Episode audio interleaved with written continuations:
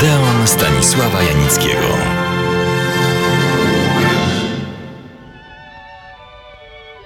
Zachowują się trochę tak jak łowca sensacji typu dawnego wzorca hollywoodzkiego. Opowiadałem oczywiście Państwu nieraz w Odeonie o szokujących zdarzeniach, jakie miały miejsce w dawnych, historycznych czasach w hollywoodzkiej fabryce snów.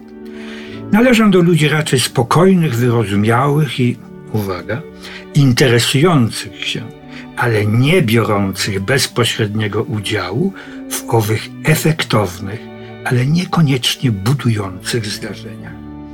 Patrzyłem na te często autentycznie dramatyczne zdarzenia i losy poszczególnych gwiazd. Patrzyłem z tak zwanymi mieszanymi uczuciami.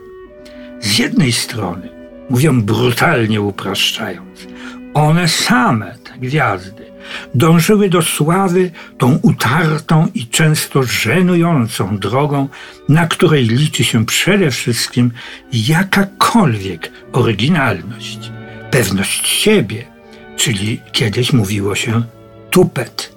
I, co bardzo ważne, jednak jakaś osobowość i wrodzony, a może nabyty talent.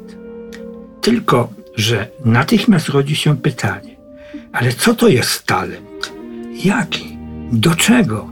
I co musi zostać spełnione, żeby nagle na ekranie zabłysnęła Greta Garbo, Brigitte Bardot, a przechodząc na nasze podwórko, zostają przy paniach Aleksandra Śląska, Elżbieta Czyżewska czy Krystyna Janda. Ale ja chcę opowiedzieć krótko o dziewczynie, kobiecie utalentowanej i pięknej artystce, której życie nie potoczyło się tak, jak powinno, a może właśnie tak, jak powinno. Carlotta Bologna była Włoszką, choć urodziła się w belgijskiej Gandawie w styczniu 1909 roku. Jej matka była śpiewaczką operową, to też wędrowała po świecie, dokładnie po Europie. Dostała propozycję występu w Polsce i z niej skorzystała.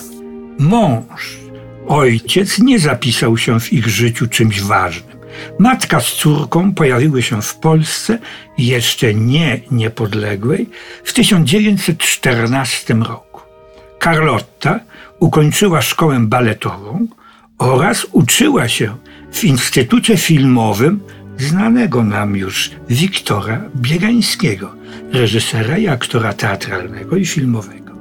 Wzajemna fascynacja i zauroczenie musiało być duże, bo już w 1927 roku zawarli związek małżeński.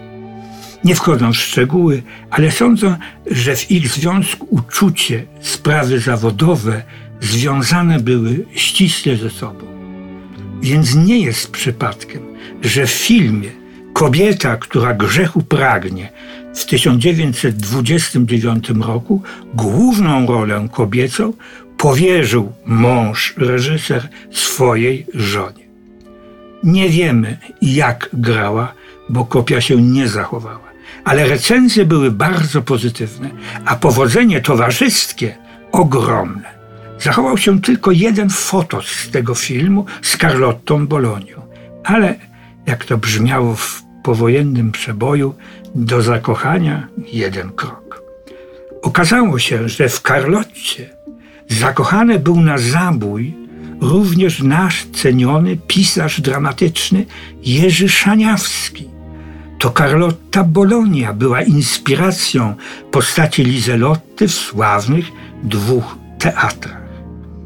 I tak Carlotta Bolonia zrobiła furorę artystyczną, ale również towarzyską. Stała się królową balu, dosłownie i w przenośni. I teraz zaczyna się gdybanie.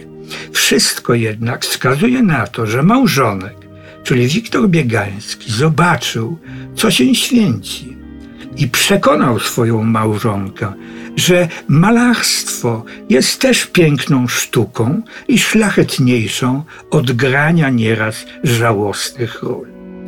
I kochaną i kochającą żonę przekonał. Wybuchła wojna. Pani Carlotta, mając paszport włoski, czyniła wiele dobrego, zarówno w sprawach osobistych, jak i w ratowaniu polskich dzieł sztuki.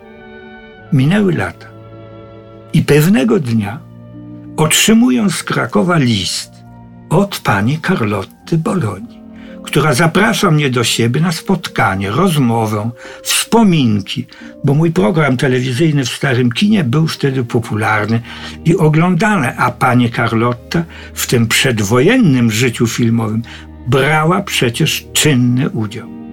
Chwili się nie zastanawiałem, uzgodniliśmy termin spotkania ja z naręczem kwiatów jechałem na najwyższe piętro bloku, w którym pani Carlotta z rodziną mieszkała. Miała tam na poddaszu swoje małe atelier. Nie oddam treści i atmosfery naszych spotkań.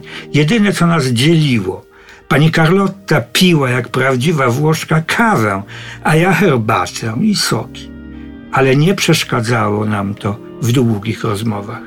Brałem też udział w wielu wernisażach, wystaw pani Carlotty. Zapamiętałem te w Nowochódzkim Centrum Kultury. Piękne lata, piękne spotkania, piękne obrazy. Jeden z nich, który od pani Carlotty dostałem, zatytułowany Don Quixote Wita Słońce, wisi u mnie w domu na honorowym miejscu. A za tydzień następny Odeon, jeszcze bardziej egzotyczny. Serdecznie zapraszam.